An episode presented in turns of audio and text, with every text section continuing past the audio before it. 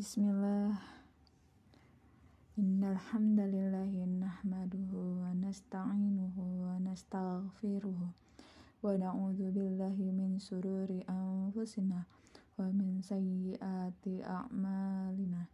May yahdihillahu fala mudilla lahu wa may yudlil fala hadiyalah Ashhadu an la ilaha illallah wahdahu la syarikalah wa ashhadu anna muhammadan abduhu wa rasuluh amma ba'du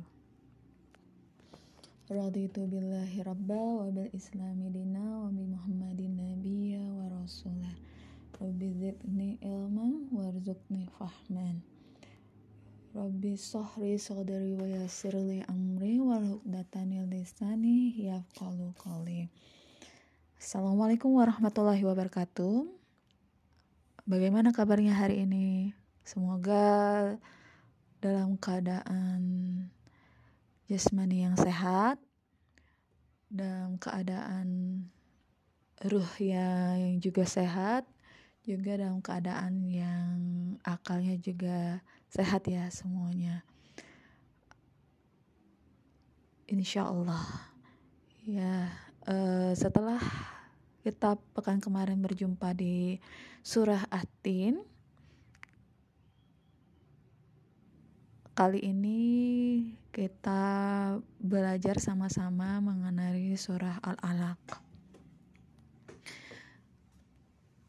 Ya, Mbak bacakan terjemahannya ya. Bismillah. Bacalah dengan menyebut nama Tuhanmu yang menciptakan dia telah menciptakan manusia dari segumpal darah. Bacalah dan Tuhanmu lah yang maha mulia. Yang mengajarkan manusia dengan pena. Dia mengajarkan manusia pada yang apa yang tidak diketahuinya. Sekali-kali tidak. Sungguh manusia itu benar-benar melampaui batas. Apabila melihat dirinya serba cukup, Sungguh, hanya kepada Tuhan mula tempat kembalimu. Bagaimana pendapatmu tentang orang-orang yang melarang? Seorang hamba ketika dia melaksanakan salat, bagaimana pendapatmu jika dia yang dilarang salat itu berada di atas kebenaran petunjuk? Atau dia menyuruh ketakwaan kepada Allah? Bagaimana pendapatmu jika dia yang melarang itu mendustakan dan berpaling? Tidakkah dia mengetahui bahwa sesungguhnya Allah melihat segala perbuatannya? Sekali-kali tidak. Sungguh, jika dia tidak berhenti berbuat demikian, niscaya kami tarik ubun-ubunnya ke dalam neraka, yaitu ubun-ubun orang yang dustakan dan durhaka. Maka biarlah dia memanggil golongannya untuk menolongnya. Kelak kami akan memanggil malaikat Zabaniyah, penyiksa orang-orang yang berdosa.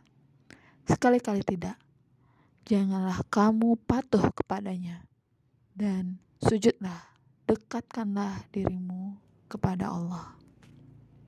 Maha benar Allah dengan segala firman-Nya.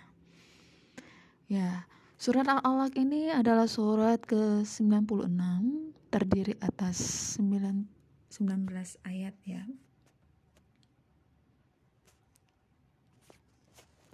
Dari surat ini yang bisa kita ambil ya dari pokok kandungan surat Al-Alaq itu ada lima. Yang pertama, perintah membaca Al-Quran. Yang kedua, menjelaskan bahwa manusia dijadikan dari segumpal darah dan Allah menjadikan kalam sebagai alat mengembangkan pengetahuan. Dan yang keempat kandungan surat Al-Alaq.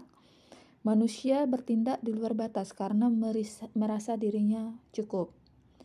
Dan kandungan eh, pokok kandungan dari surat Al-Alaq yang terakhir adalah ancaman terhadap orang-orang kafir yang menghalang-halangi kaum muslim melaksanakan perintahnya. Nah, ini menarik ya, teman-teman.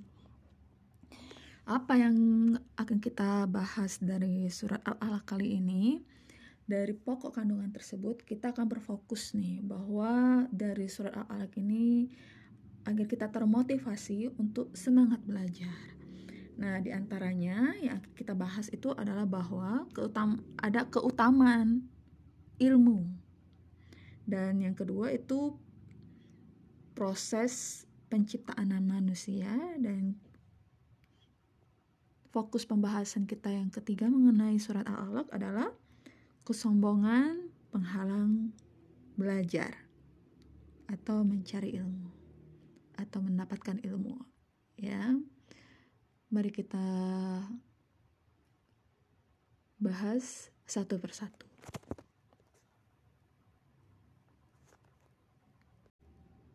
Bismillah mari kita pelajari sama-sama pelajari tentang surat Al-Alaq uh, yang akan memotivasi kita untuk semangat belajar. Yang pertama itu tentang keutamaan ilmu. Teman-teman, uh, seperti yang telah kita bahas di pekan kemarin ya tentang surat At-Tin bahwa manusia itu terdiri atas tiga potensi. Ya, potensi yang Allah berikan, yang Allah anugerahkan hanya kepada manusia. Yang pertama adalah jasmani, yang kedua adalah rohani, dan yang ketiga adalah akal. Nah, yang memiliki apa ya, sumber makanan yang berbeda-beda. Nah, itu yang disebut dengan manusia. Jadi manusia itu akan memilih um, disebut sebagai manusia jika memiliki tiga potensi itu tadi yaitu jasmani, rohani dan akal. Kalau hanya punya jasmani uh, dan akal tapi tidak punya ruh, uh, itu disebut apa? Disebut mayat ya. Tapi kalau dia disengkal punya jasmani dan ruh tapi tidak punya akal, disebut apa? Orang dengan gangguan jiwa biasanya. Ya, jadi dia bebas dari segala tuntutan hukum, bebas dari segala tuntutan aturan-aturan, baik berlaku secara masyarakat maupun uh, yang telah Allah tetapkan ya uh, dan bebas juga dari ibadah ya. Jadi orang yang tidak memiliki akal dia disebut orang dengan gangguan ya. Terus kalau uh, hanya manusia juga tidak bisa disebut sebagai manusia kalau tidak memiliki jas jasmani. Iya, nggak nggak punya fisiknya ya hanya punya ruh aja ya. Nah, itu sudah disebut sebagai ruh. Alamnya sudah berbeda ya, bukan di dunia lagi alamnya. Itu tadi. Nah, teman-teman, uh, apa keutamaan mencari ilmu? Ya, selain sebagai makanan buat akal, jadi keutamaan e, menuntut ilmu yang pertama bisa dicatat ya ilmu sebagai landasan iman jadi Allah berfirman dalam surat Al-Mujadilah ayat 11 Allah akan meninggikan orang-orang yang beriman di antara kamu dan orang-orang yang berilmu pengetahuan beberapa derajat. Nah, jadi dengan berilmu Allah akan um, menaikkan derajat orang yang berilmu. Dan uh, ilmu itu juga sebagai menuntun manusia menuju keimanan. Bisa dilihat dari surat Saba ayat 6, surat Al-Isra ayat 106 sampai 109. Jadi uh, itu secara otomatis ya uh, orang yang berilmu akan diberikan derajat kemuliaan yang tinggi tanpa diminta ya. Jadi itu secara otomatis fitrah kalau ada orang berilmu akan dihormati oleh um, dihormati oleh manusia lainnya. Ini coba kalian coba lihat. Be uh, ketika kalian masih SD dan ketika kalian sekarang SMA, uh, eh, apa yang kalian ungkapkan, kalian utarakan ke orang tua itu bernilai lebih tinggi dibandingkan ketika kalian masih SD. Pendapat kalian lebih didengarkan ketika kalian uh, ketika kalian masih SD dulunya. Jadi pendapat kalian ketika SMA itu lebih didengarkan. eh, ucapan-ucapan yang kalian utarakan baik ke orang tua ke adik atau ke tetangga itu lebih didengar oleh orang ketimbang ketika kalian masih SD. Nah, begitu besar ya. Begitu besar perbedaannya. Ya, beda juga ketika uh, seorang anak balita yang bisa ngomong uh, yang baru bisa ngomong uh, bicara aku sayang kamu misalnya. Dan ketika kalian SMA bilang aku sayang kamu, nilainya berbeda. Ketika masih balita usia uh, bayi di bawah lima tahun, pasti dia uh, arti dari bilang aku sayang kamu itu kayak lucu, ih gemes kayak gitu ya, nggak uh, terlalu berarti apa-apa. Bawaannya lebih lucu dan gemes. Nah, ketika kalian SMA ini sekarang um, mengutarakan aku cinta kamu itu sangat berdampak uh, kualitasnya berbeda uh, perhatiannya juga berbeda karena itulah yang disebut dengan Allah akan meninggikan orang-orang yang beriman di antara kamu dengan orang-orang berilmu pengetahuan beberapa derajat. Contohnya sedemikian itu. Contoh sederhananya ya. Dan keutama menuntut ilmu yang kedua adalah ilmu itu sebagai landasan amal. Jadi syarat diterimanya amal itu ikhlas dan benar. Nah, benar berarti harus tahu ilmunya tentang amal tersebut. Contoh nih, kayak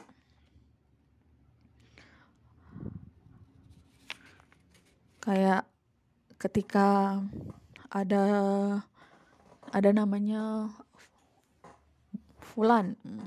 Fulan ini baru datang ke ceramahnya Ustadz Abdul Somad.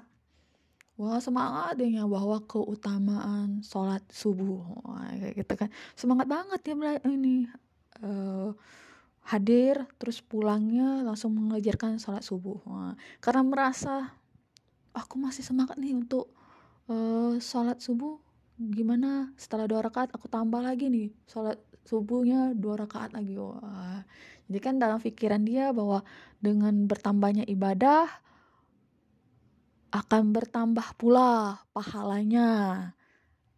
Memang benar akan bertambah pula. Namun yang jadi masalah adalah tidak ada ilmunya kalau sholat subuh itu empat rakaat. Ya, jadi fungsi ilmu seperti itu ya. Dia jadi menjadi landasan amal sehingga dia bukan termasuk golongan-golongan bid'ah. Orang-orang yang mengada-ada menambah-nambahkan hukum Allah. Itu berbahaya sekali ya teman-teman. Orang-orang yang e, beramal tapi tidak dilantaskan dengan ilmu, ilmu. Salah satunya seperti itu. Atau nih teman-teman nih ada pernah kejadian misalnya ada cerita uh, tentang mengambil wudhu oh jadi uh, hukumnya adalah mendahulukan saudara ya. Wah, ya, ini ilmunya ya mendahulukan saudara. Jadi mendahulukan saudara adalah perbuatan baik bersedekah. Uh, itu ketika wudhu sholat oh, ngantri ya. Terus uh, ada yang datang nih. Uh, ada yang datang uh, ya udah kamu duluan aja nih. Ngantri aku belakangan. Wah niatnya kan mau ini ya mau mendahulukan saudara. Tapi salah diterapkan. Itu tadi karena tidak berilmu tadi. Ya justru ketika ibadah itu kita harus fastabiqul khairat. Berlomba-lomba dalam kebaikan. Ya duduk uh, ya berada sholat di saf pertama bukan malah nyuruh orang ya. Silakan silakan silakan. Uh, di saf pertama saya di saf belakang aja wah karena saya mau mendahulukan saudara oh itu salah ilmu itu. Salah terapan ya seperti itu. Ya yang bagaimana sih mendahulukan saudara itu yang benar diterapkannya itu tadi ketika kita mau makan kita tawarkan dulu ke teman-temannya ke teman-teman kita mau makan nggak nih? Aku punya ini uh, punya donat misalnya nih. Uh, uh, atau ketika ketika naik bus bisa bisa ya, naik dulu silakan. Atau uh, ketika duduk di LRT atau di kendaraan umum ada orang tua nih atau ibu hamil atau anak-anak atau orang yang cedera atau sakit kita mendahulukan saudara. Itu itu uh, letak pasnya di situ. Jadi ilmu itu sebagai landasan beramal. Tidak serta merta kita langsung dapat satu ilmu. Oke langsung tanpa kita menggali lagi uh, alasan dibaliknya why. Uh, jadi ilmu uh, jadi amal itu harus berdasarkan ilmu supaya kita tahu why. Kenapa how, bagaimana, when, bagaimana, kapan ilmu itu di, digunakan. Jadi muslim udah udah jelas ya. Jadi kesimpulannya dengan demikian menjadi muslim yang baik dengan cara berilmu ya udah otomatis muslim itu cer cerdas.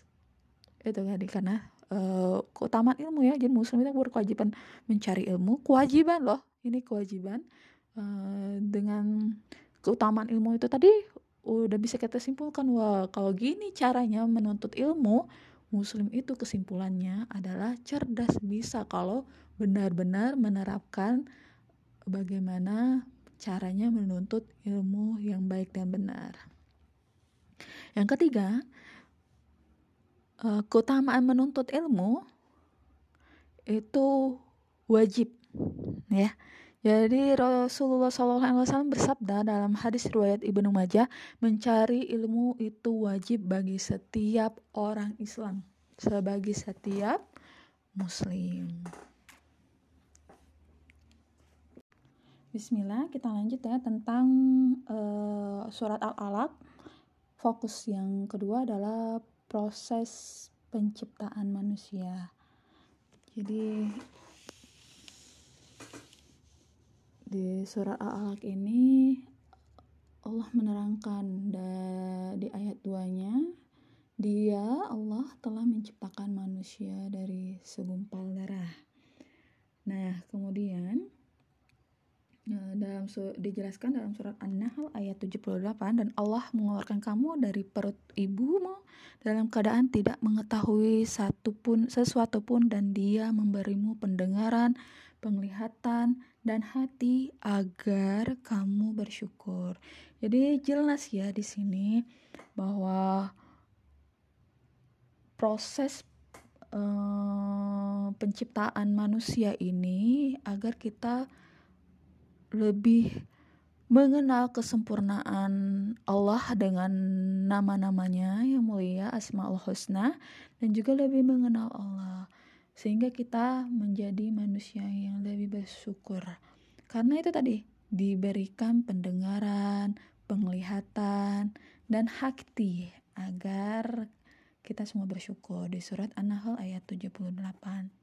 Jadi Allah itu mengisyaratkan bahwa penciptaan manusia dengan indera, indera-indera yang berkembang paling sempurna di antara seluruh makhluk hidup bukan tanpa maksud tapi dengan tujuan tertentu yaitu bersyukur atau tunduk ya. Di tujuan tersebut baru bisa dicapai dengan proses mengoptimalkan penggunaan panca indera pemberian Allah.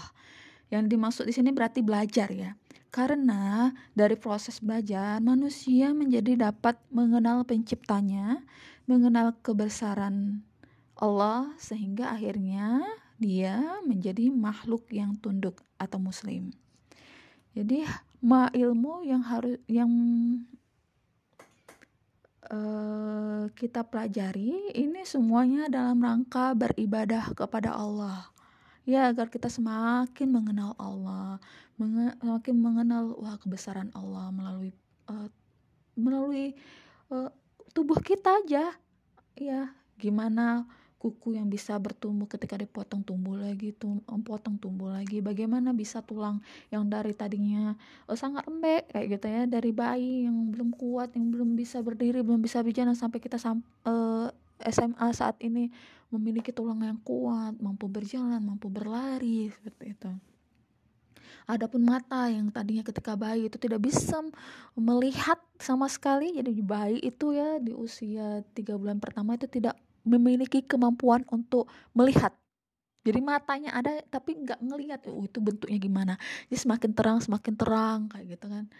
Uh, ya jadi uh, bisa mengenal bentuk gambaran kemudian mengenal warna ya itu bentuk kesyukuran bagi kita yang menurut kita normal-normal aja ya saat ini. Kita memiliki mata mata bisa melihat bisa membedakan warna melihat bentuk. Itu menurut kita normal-normal aja. Tapi bayangkan uh, jika ada saudara kita yang tidak uh, belum di belum beruntung ya belum dikaruniai oleh Allah penglihatan oh, menurut mereka itu luar biasa loh. Jadi menurut kita biasa-biasa aja. Nah Allah Allah tuh pengen kita tuh uh, bersyukur semakin mendekat kepada Allah bersyukur lagi bersyukur lagi seperti itu. Ya. Jadi karena uh, itu tadi keutamaan ilmu dan menuntut ilmu. Jadi kita nggak akan bisa uh, bersyukur kalau kita tidak tahu. Nah, bagaimana caranya kita bersyukur? Kita tahu dulu, kita sadar dulu apa yang harus kita syukuri. Yang khusus di dalam surat Al-Alaq ini adalah proses penciptaan manusia. Bagaimana cara kita bersyukur? Kita tahu bahwa proses penciptaan manusia kita ini masing-masing itu adalah unik. Bisa dilihat di mana? Di dalam Al-Qur'an. Di mana lagi? Di dalam artikel-artikel ilmu pengetahuan. Di mana lagi? Di buku pelajaran. Di mana lagi? Bagaimana caranya? Uh, caranya bagaimana untuk bisa uh, baca baca artikel-artikel baik jurnal baik artikel bahasa Inggris atau bahasa Indonesia. Itu tadi melalui uh, ilmu membaca. Bayangkan kalau kita tidak memiliki kemampuan ber membaca. Iqra tidak memiliki kemampuan untuk membaca, tulis, hitung. Jadi ikhlas bukan cuma baca ya, dia ada membaca, tulis, hitung ya. Jadi dia berkesinambungan, mendengar. Bagaimana kita bisa mendapatkan informasi jika uh, kita tidak memiliki kemampuan mendengar? Bagaimana kita bisa mengetahui bersyukur kalau kita tidak memiliki kemampuan melihat? Bagaimana kita mengetahui penciptaan Allah bentuk hewan yang terkecil di dalam tanah? Bahkan ada hewan, ada makhluk hidup ya di dalam tanah sekalipun maupun di langit yang berterbangan ataupun di luar dari bumi berterbangan galaksi Bima Sakti, tata surya. Bagaimana kita bisa tahu itu kalau kita tidak dikaruniai Allah mata? buku-buku melalui buku-buku kita ngelihat melalui kalamnya ya di su di surat ayat, ayat 4 ya yang mengajarkan manusia dengan pena jadi kita tujuan mencari ilmu selain keutamaan-keutamaan yang sudah disebutkan tadi ya keutamaan berilmu di antaranya tadi ada yang masih ingat? Memiliki derajat yang tinggi di hadapan Allah, para waris para nabi. Malaikat sangat menghormati. Eh, Allah mudahkan jalan baginya untuk menuju surga. Berjalan di jalan Allah. Allah membimbing. Berada bersama Nabi di surga. Tidak mudah digoda setan karena kita tahu yang mana yang cara beribadah yang baik yang benar ya dan itu bisa jadi menjadi uh, amal jariah berjangka panjang seperti yang kita sudah pelajari di surat Atin sebelumnya dan tujuan terakhir adalah kebahagiaan dunia dan akhirat. Ya, keutamaan ilmu. Jadi selain kita belajar karena keutamaan ilmu tadi kita juga uh, belajar karena kita bersyukur pada Allah atas karunia yang Allah berikan dari kita. Yang memberikan kepada kita ya maaf yang memberikan kepada kita Bismillah kita masuk ke bagian terakhir segmen terakhir. Setelah kita belajar sama-sama fokus mengenai surat al-alaq yang pertama keutamaan ilmu. Yang kedua adalah proses penciptaan manusia itu um, menyadarkan bahwa kita juga mencari ilmu itu karena kita ingin bersyukur kepada Allah Subhanahu wa taala dengan cara yang terbaik, dengan cara yang benar sesuai dengan tuntunan Allah dan ajaran Rasulullah. Tujuannya agar kita bahagia dunia dan akhirat meraih kebahagiaan dunia dan akhirat. Dan tibalah kita pada fokus yang terakhir segmen terakhir adalah kesombongan itu penghalang belajar. Mari kita cek ya eh, apa aja? Hmm, bagaimana kok bisa sombong menjadi penghalang belajar?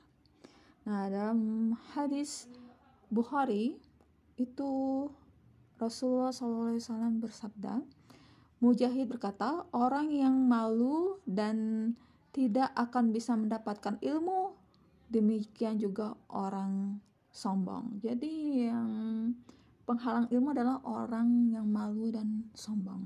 Nah, maksud malu di sini adalah rasa malu seseorang untuk bertanya tentang ilmu tertentu. Malu ikut kajian misalnya, oh, Mbak, aku nih kayaknya pakaiannya kurang rapi atau aku nih masih pecicilan mbak. Atau aku nggak punya banyak temen uh, teman-teman saleh atau soleha jadi aku malu datang kajian berilmu atau malu bertanya hal-hal yang tidak tahu. Malu takut dibilang bodoh. Hmm, kalau bertanya banyak nanya ya jadi malu-malu yang seperti itu yang menghalangi kita mendapatkan ilmu. Itu rasa malu yang salah ya. Nah, ini juga berkaitan dengan ilmu ya teman-teman. Kalau malu malunya uh, tidak ditempatkan ilmu malu ini tidak ditempatkan pada tempat yang benar, kondisi yang benar, waktu yang benar, dengan alasan yang benar, itu akan jadi malu-maluin ya berbahaya. Jadi kalau misalnya uh, malu ditempatkan pada ketika ingin menuntut ilmu itu salah. Tapi kalau malu itu diletakkan kepada akhlak, misalnya ketika berkumpul terlalu banyak anak cowok nih, kalau mau lewat malu itu tepat. Malu ketika berbuat uh, dosa itu tepat, itu benar Iya, malu gibah. Oh, itu bener banget tuh. Itu kan malu dari berbuat uh, maksiat ya, berbuat dosa ya. Itu tepat. Jadi bagaimana Mbak caranya bisa tahu kalau malunya ini tepat atau tidak tepat? Ya itu tadi, mau nggak mau, suka nggak suka, cara satu-satunya adalah mencari ilmu. Belajar. Ya, belajar itu lelah pasti gak ada sesuatu uh, yang bisa diambil ya ilmu itu kan mulia ya kemuliaan itu nggak bisa diambil dengan cara yang sembarangan. Karena kemuliaan itu tuh mahal. Kemuliaan itu adalah hal yang sangat istimewa dan mendapatkannya pun juga harus penuh perjuangan. Itu tadi yang cara berilmu Nah, kita masuk ke uh, sombong. Gimana sih kok sombong bisa menghalang um, menghalang belajar ya, menghalang mendapat ilmu. Jadi orang yang merasa hebat dan pintar padahal bodoh itu tidak ketulungan banget. Ya, munculnya sombong ini nih bisa disebabkan berbagai faktor ya Sombong bisa menjangkiti orang yang merasa memiliki gelar akademis tinggi. Oh, misal katanya, misalnya kita sudah SMA, terus kita merasa lebih tinggi dari orang-orang yang tamatan SD atau tamatan SMP atau bahkan yang tidak sekolah sekalipun. Ya, ada saudara-saudara kita yang belum beruntung untuk menciptakan pendidikan sampai dengan SMA dengan berbagai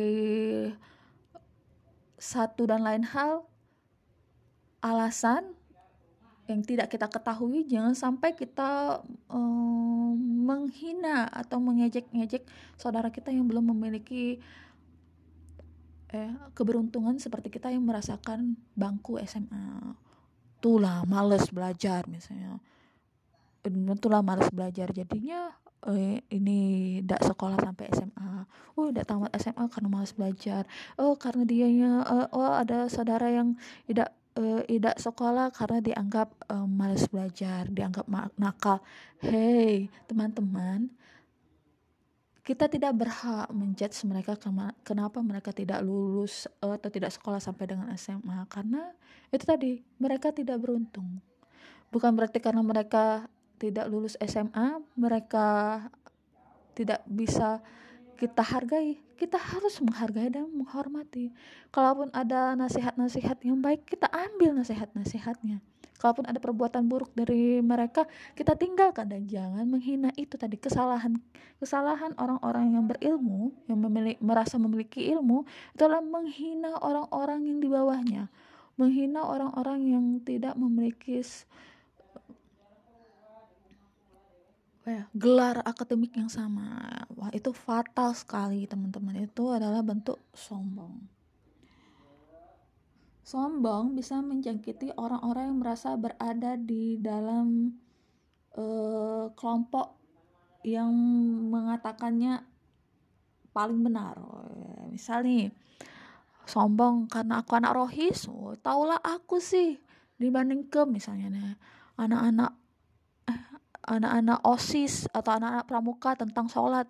Belum tentu teman-teman. Memang kita memiliki keutamaan ya. Memiliki keuntungan sebagai anak rohis untuk bisa belajar mendalami tentang agama lebih banyak waktunya dibandingkan dengan anak-anak OSIS atau anak-anak pramuka atau anak-anak dari eskul-eskul lainnya. Tapi bukan berarti kita menilai bahwa mereka tidak memiliki kemampuan untuk belajar mendalami agama. Siapa tahu mereka diam-diam ikut juga ngaji. Le malah lebih rajin, lebih khusyuk ya, mencatat, lebih le, belajar diulang-ulang, dibaca-baca, lebih aplikatif mengikuti mengikuti lebih serius. Misal ada targetan amal yaumi mereka kerjakan dengan serius dibandingkan kita yang anak rohis so, ngerasa oh itu amalan mudah lah gampang lah digampang-gampangi atau yang oh nanti aja lah entar-entar belajarnya oh nantilah entar-entar kajiannya yang yang semangatnya nggak nggak terlalu membara. Jadi belum tentu teman-teman kita yang di rohis itu lebih mulia atau kita yang di rohis itu lebih apa ya lebih soleh dibandingkan teman-teman yang lain. Belum tentu. Hanya saja Allah berikan kita keuntungan yang luar biasa. Uh, Allah jaga dengan melalui rohis. Kalian tuh harusnya sudah lebih maksimal dibandingkan teman-teman dari sekolah lain untuk belajar agama. Jangan sampai kalah. Bukan berarti kita juga harus eh udahlah uh, karena aku takut nih ya uh, takut aku nggak maksimal dalam beribadah lebih baik aku nggak ikut rohis itu juga salah.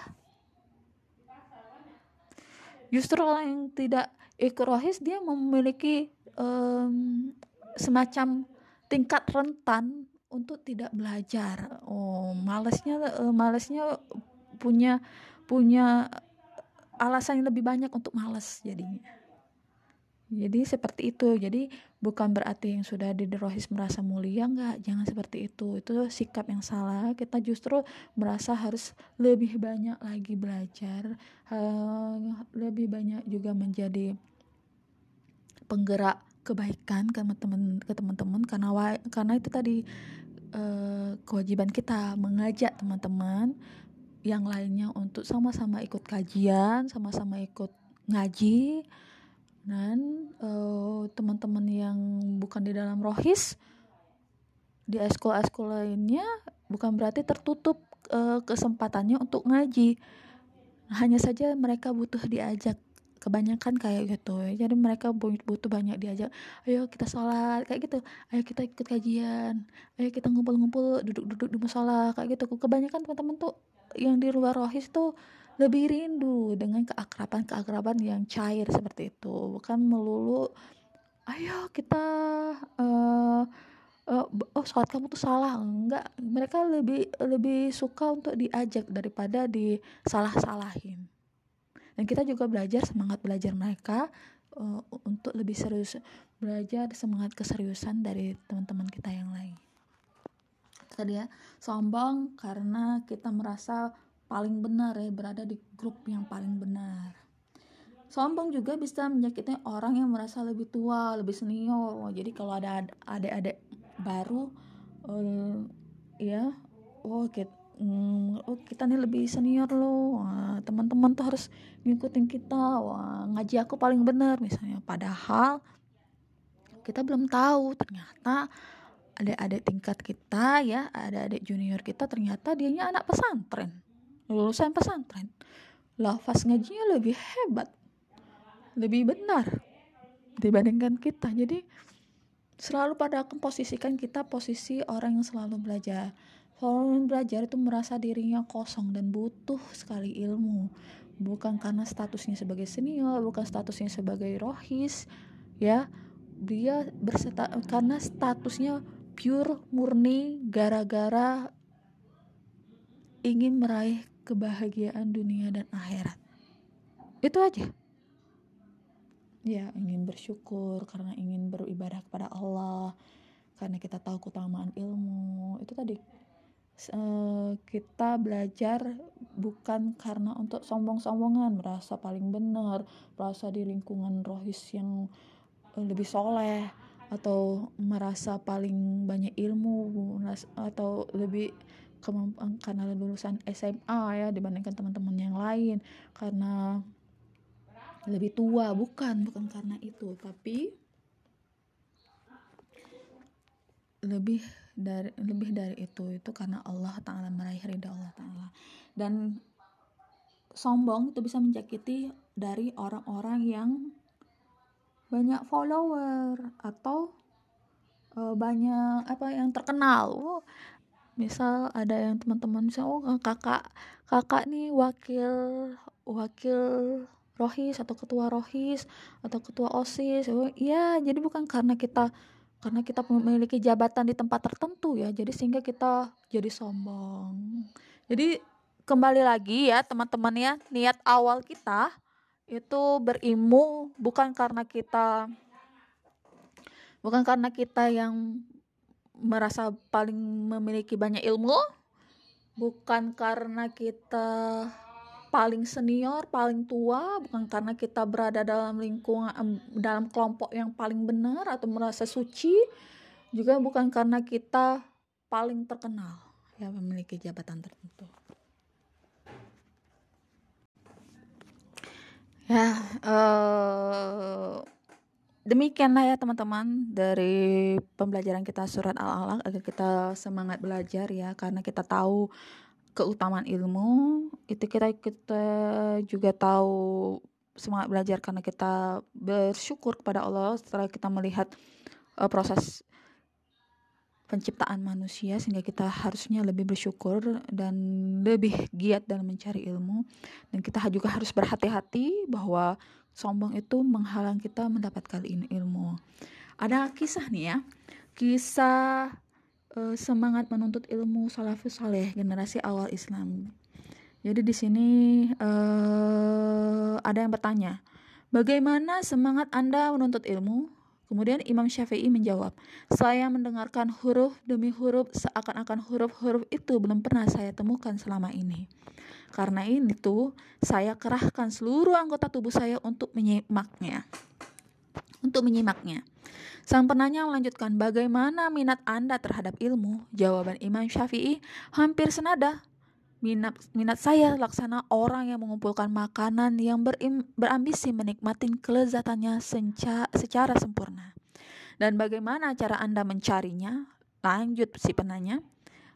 Kemudian Imam Syafi'i menjawab nih, saya mencarinya laksana seorang wanita yang kehilangan anak satu-satunya yang di dunia ini ia tidak memiliki apa pun selain dia terangnya subhanallah ya semangat banget jadi nggak heran kalau ulama-ulama Islam itu ilmunya sangat luar biasa.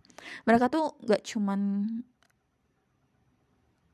apa ya gape ya atau profesional di ilmu kauliahnya doang ya ilmu agama. Tapi mereka juga top di ilmu kauniyah ilmu pengetahuan alam ilmu pengetahuan ya. Misalnya nih Ibnu Sina di barat dikenal dengan Avicenna ya. Nggak hanya seorang ulama di bidang agama but dia juga seorang ahli kedokteran yang handal keren banget kan so uh, apa yang kita tunggu teman-teman? Yuk kita cari ilmu biar sukses dunia dan akhirat. Ada quote dari Al Hasan bin Ali berkata, belajarlah kalian dan tuntutlah ilmu. Sesungguhnya jika kini kalian adalah orang-orang yang kecil dan tidak diperlakukan manusia, maka kelak kalian akan menjadi orang-orang yang diperlukan mereka. Ya, uh, yang kedua, Ibnu Mas'ud berkata, Ketahuilah bahwa tidak ada di antara kalian satupun yang dilahirkan dalam keadaan berilmu. Dan sesungguhnya ilmu itu diperoleh dengan jalan belajar. Maka jadikanlah dirimu sebagai orang yang ahli ilmu. Atau orang yang menuntutnya. Atau orang yang mendengarkannya. Belajarlah kalian. Karena sesungguhnya kalian tidak tahu kapan ilmu itu dibutuhkan. Ya, seperti hari ini kita semangat ya. Sama-sama tiap mm, pekannya berusaha uh, mengikuti upah karena kita nggak tahu kapan ilmu yang di antara ilmu-ilmu lain yang kita ikuti selama ini akan berguna dan semoga itu menjadi jalan kita meraih ridha Allah Subhanahu wa taala. Harapan Mbak bukan hanya ketika sekolah di SMA aja uh, kita mengaji ya. Harapan Mbak sepanjang hayat kita tetap belajar walaupun telah tamat SMA, walaupun sudah menjadi alumni. Semoga Allah berkahi kita semua. Mohon, mohon maaf atas segala salah dan hilang. Wassalamualaikum warahmatullahi wabarakatuh.